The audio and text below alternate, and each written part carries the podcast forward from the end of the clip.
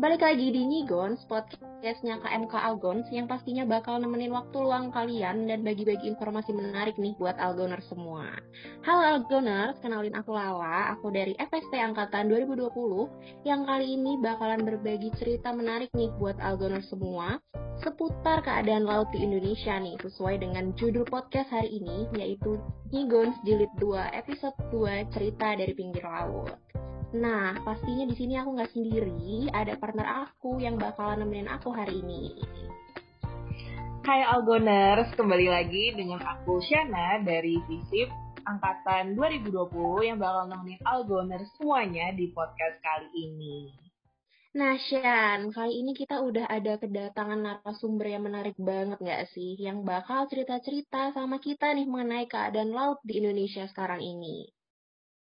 Betul banget nih lah. Gimana kalau misalnya kita tanpa berlama-lama lagi kali ya? Karena kayaknya Algoners udah nungguin banget nih. Langsung kita panggil aja narasumber kita yang keren banget. Boleh banget nih, Shan. Silahkan, Shan. Oke, siap lah. Nah, mari kita sambut narasumber keren kita. Ada Kak Tara Bening. Nah, Katara Bening ini merupakan mahasiswi Fakultas Perikanan dan Kelautan Universitas Airlangga Program Studi Aquacultur Angkatan 2020. Nah, selain itu, Katara merupakan Youth Ambassador dari Break Free from Plastic, Youth Ambassador dari Plastic Pollution Coalition, dan juga co-founder dari River Warrior. Hai Katara, gimana nih kabarnya sekarang?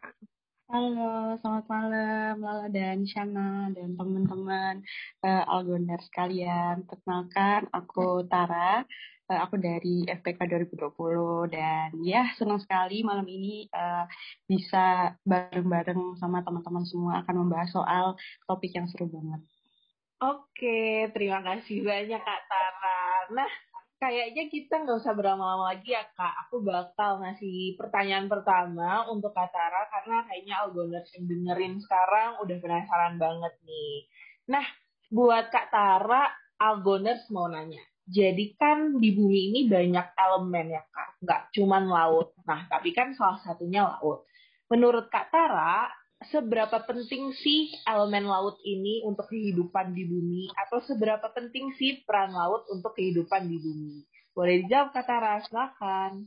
Oke, okay, uh, eh, jadi aku sebagai mahasiswa Fakultas Perikanan dan Kelautan laut gitu ya, di mana aku ini juga ada beberapa mata kuliah yang belajar soal laut dan ya dari situ aku makin mengerti kenapa laut itu menjadi sangat penting baik untuk manusia, untuk organisme yang hidup di dalamnya dan juga untuk lingkungan kita. Nah, yang pertama kalau untuk manusia sendiri itu uh, laut ini adalah penghasil oksigen terbesar. Jadi mungkin kita tahu ya, mungkin kita udah familiar kalau semisal uh, pohon itu menghasilkan oksigen, tapi uh, ada lagi sumber penghasil oksigen yang lebih besar daripada pohon, yaitu adalah yang berasal dari laut uh, fitoplankton yang hidup di laut seperti itu. Nah, yang kedua, laut ini juga penting karena dia adalah uh, sumber penghidupan bagi masyarakat. Mungkin uh, nelayan, terus uh, dan itu juga sebagai sumber pangan kita gitu ya. Jadi kita makan ikan dari laut, makan hewan-hewan dari laut dan juga tumbuh-tumbuhan dan organisme laut itu bisa dimanfaatkan untuk semua kebutuhan manusia yang ada di daratan. Terus kalau untuk lingkungan sendiri sih, uh, laut ini juga uh, berfungsi untuk banyak hal sih sebenarnya. Dia juga sangat berperan untuk uh, menjaga suhu bumi tetap stabil dan apa ya? Ya mungkin itu sih.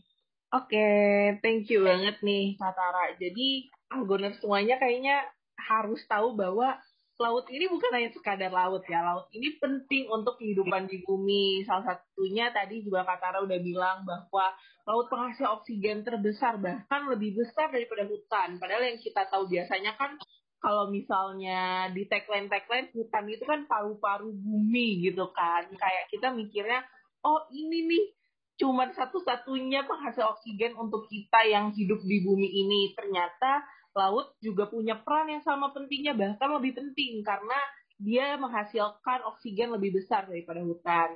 Terus yang kedua, laut sumber penghidupan bagi masyarakat maupun yang tidak bekerja sebagai nelayan seperti itu.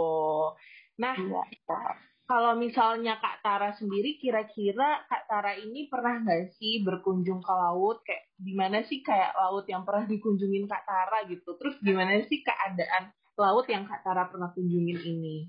Oke, menarik nih pertanyaannya. Kembali lagi ya, karena aku mahasiswa uh, perikanan kelautan, laut, jadi sempat ada beberapa kegiatan juga yang aku belajar di laut dan mungkin ada kegiatan kayak pengabdian masyarakat ke laut. Uh, yang baru-baru ini itu aku sempat uh, kunjungan ke Pulau Giliang, jadi itu ada di Sumeneb, Madura. Jadi itu pulau yang paling ujung di Madura.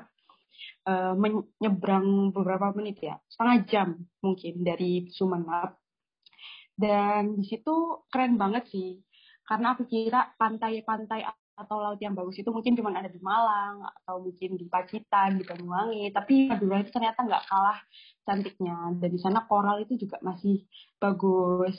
Ada beberapa spesies koral yang masih apa ya eh, bisa hidup dengan baik di sana. Terus kalau ke keadaan di pesisirnya sih um, mungkin bagus juga karena banyak aktivitas nelayan di sana. Tapi ada satu hal yang itu mungkin mengganggu aku dan sangat membuat prihatin gitu ya. Karena di pulau ini itu tidak ada sarana pengelolaan sampah. Jadi laut dan pantai itu sudah biasa digunakan sebagai tempat sampah.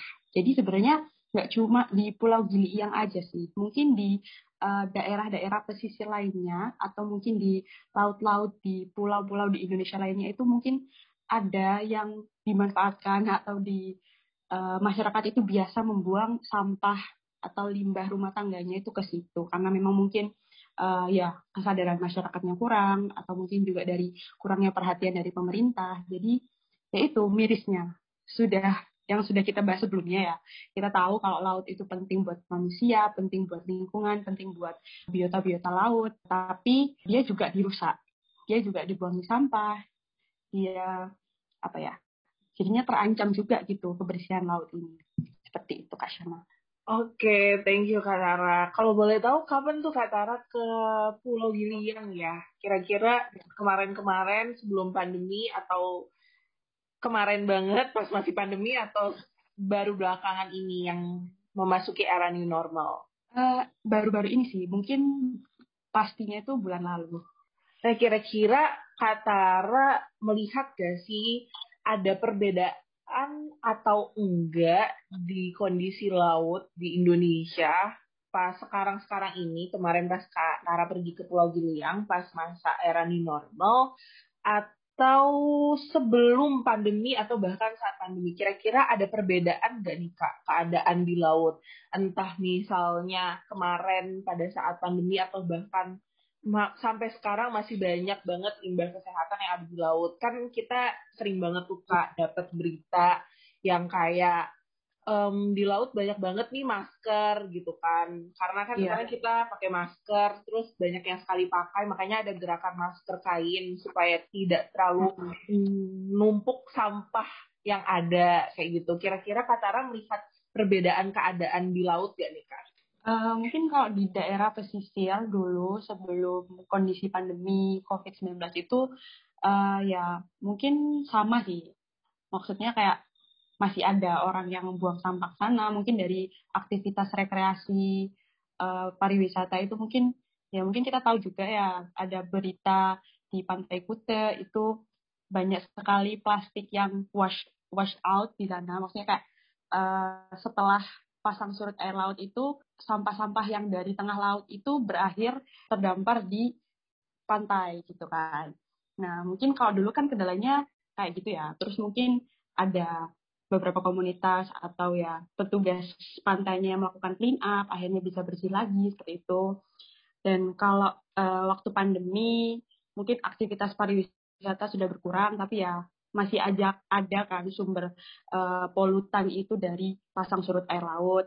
Mungkin agak berkurang, tapi ya uh, nggak nggak begitu menurun drastis juga ya produksi uh, limbahnya itu tadi.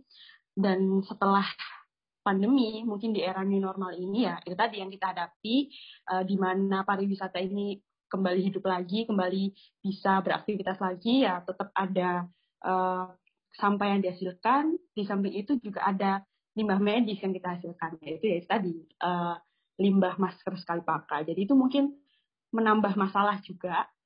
Dan ya itu sih mirisnya. Maksudnya kita tuh seharusnya bisa mengurangi itu. Mungkin kalau kita melihat kondisi ini ya, kalau kita memang orang yang hmm, peduli terhadap lingkungan, peduli terhadap laut, kita lihat ada berita-berita kayak uh, di pantai-pantai kita itu penuh dengan plastik, apalagi sekarang ditambah ada sampah medis, masker sekali pakai, ya kita harusnya uh, bisa apa ya sadar, mungkin merubah perilaku dan gaya hidup kita untuk mengurangi plastik atau mungkin juga kalau teman-teman yang suka berkegiatan sosial, berkegiatan ke lapangan, mungkin ikut kegiatan beach clean up, itu ya sesuatu hal yang baik juga sih. Kasyana. Oke, thank you banget nih Kak Tara atas informasi dan sharingnya juga nih. Nah, kalau membahas tadi kan tentang sampah-sampah medis ya, mungkin itu lebih banyak ada di era pandemi nggak sih? Nah, ya. kira-kira kalau di era normal ini tuh, kira-kira apa sih Kak tantangan yang bakalan dihadapin sama kita nih, khususnya masyarakat di era new normal untuk uh, apa ya, ngejaga keadaan sekitar laut tuh tetap baik gitu? Oke, Wah, ini seru sih. Uh, ya, Mungkin uh, Kak Lala atau Kak Shana pernah baca ada penelitian yang menemukan mikroplastik di lambung ikan. Nah, itulah masalah yang sekarang sedang kita hadapi. Dan bahkan nggak cuma di lambung ikan, di aliran darah manusia, di plasenta manusia itu sudah ditemukan mikroplastik. Nah, ini nih dari permasalahan sebelumnya. Di pantai kita sudah penuh dengan plastik, uh, pencemaran plastik itu sudah terjadi nggak hanya di lautan, di darat pun juga mungkin sampah plastik itu numpuk tanpa kita sadari plastik yang berakhir di lingkungan ini yang kena pantulan sinar matahari, kena panas matahari, terus dia terendam air laut, itu dia bisa pecah menjadi serpihan-serpihan plastik berukuran mikroskopis ini. Jadi dia itu ukurannya kurang dari 5 mm dan dia itu disebutnya sebagai mikroplastik ini. Nah, inilah ancaman yang mungkin, nggak mungkin sih, yang akan kita hadapi saat ini, yaitu mikroplastik. Jadi uh, karena bentuknya kecil ya, mikroskopis, kita nggak sadar kalau mikroplastik ini udah ada di air laut, udah ada di air yang kita minum, udah ada di udara yang kita hirup.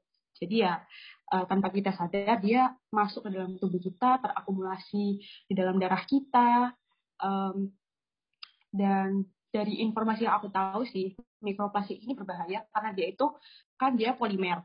Plastik itu polimer, jadi dia adalah ikatan terbuka. Jadi kalau dia berakhir di laut, terus di laut itu ada mungkin pencemaran pestisida atau mungkin kayak ada bahan-bahan kimia beracun yang dari mungkin dari uh, sunblock ya mungkin kalau orang berenang gitu kan pakai sunblock, terus sunblocknya kan luntur ke air gitu ya. Nah mikroplastik ini dia sifatnya menyerap, dia menyerap semua polutan-polutan kotor itu yang ada di laut. Terus kalau mikroplastik itu masuk ke dalam tubuh kita, dia melepaskan toksin-toksin itu tadi. Jadi toksinnya ada di dalam tubuh kita dong. Jadi itu yang berbahaya. Dan ya itu tadi sih, uh, bagaimana kita mendengar berita buruk ini tuh apakah kita mau terus-terusan pakai plastik, terus-terusan nggak peduli sama laut kita. Mungkin kayak kita yang uh, apa ya tinggalnya jauh dari laut, mungkin nggak bisa melihat secara langsung gimana kondisi pencemaran plastik yang ada di laut gitu ya kan. Jadinya kita mungkin nggak gitu sadar kalau uh, kondisi ini tuh udah sangat parah. Tapi ya uh, gimana ya, walaupun bukan anak orang yang tinggal di daerah pesisir atau mungkin bukan mahasiswa perikanan kelautan, tapi seharusnya uh, kan sekarang kita juga hidup di era digital gitu ya kan. Sosmed, informasi berita itu mudah banget kita dapat.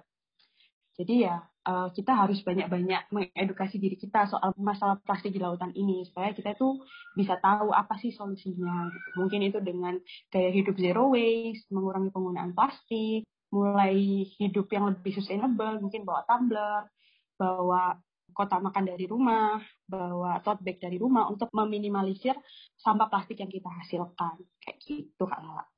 Oke, okay, thank you banget nih Kak Tara. Jujur aku baru dengar ya tentang mikroplastik tadi gitu. Mm-hmm. Nah, Kak Tara ini kan melihat mirisnya keadaan yang dibilang Kak Tara tadi ya tentang sampah-sampah yang ada di pinggir laut, khususnya mikroplastik yang uh, bakal jadi tantangan kita ke depannya nih karena bentuknya kecil jadi nggak sadar bakal ada udara dan air yang bakal kita minum dan iya. itu kan secara nggak langsung nunjukin kalau masyarakat tuh sampai saat ini tuh masih sedikit gitu yang peduli dan aware sama keadaan uh, di sekitar laut dan pentingnya buat ngejaga laut itu tetap bersih gitu. Nah kira-kira menurut Kak Tara sendiri tuh apa sih Kak faktor-faktor yang nyebabin masyarakat tuh sampai saat ini tuh masih sedikit gitu yang peduli sama keadaan di sekitar laut? Nah ini mungkin kalau kita lihat permasalahan itu tadi ya polusi dan pencemaran itu tadi yang terjadi di lautan kita mikirnya wah ini sampah ini uh, bersumber dari kegiatan manusia. Tapi kita harus tanya lagi nih, kenapa ya orang itu uh, buang sampahnya ke laut? Nah, kenapa? Mungkin itu karena pemerintahnya. Pemerintah tidak menyediakan tempat sampah di situ.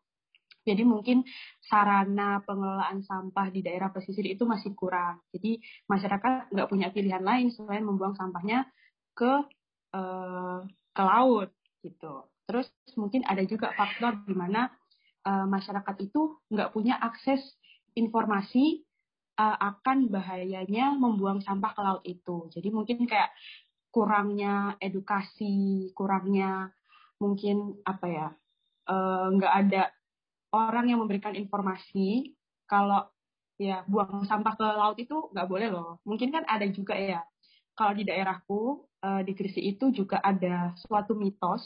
Ini mungkin berhubungan dengan sungai ya. Uh, popok itu baiknya dibuang ke sungai, dibuang ke perairan.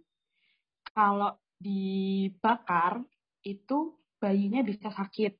Tapi kalau dibuang ke perairan, bayinya itu bisa ya happy, sehat, itu nggak sakit. Dan itu mitosnya namanya sultan. Jadi kan ini suatu informasi yang uh, tradisional. Mungkin kayak sudah turun menurun tapi kan itu misleading gitu kan. Jadi ya butuh sarana informasi ini tadi untuk mengedukasi masyarakat. Jadi itu kita harus tanya lagi kenapa ya kok nggak ada orang yang mengedukasi? Ya mungkin karena tidak ada komunitas yang memberikan edukasi tidak ada uh, apa ya upaya dari pemerintah untuk menyediakan sosialisasi atau edukasi. Jadi ya itu. Jadi mungkin akar kita cari dulu akar permasalahannya. Jangan kita salahkan uh, masyarakat atau kita mempertanyakan kenapa sih masyarakat ini uh, kesadaran lingkungannya rendah gitu. Jadi ya itu tadi banyak faktor yang menyebabkan masyarakat itu kurang aware.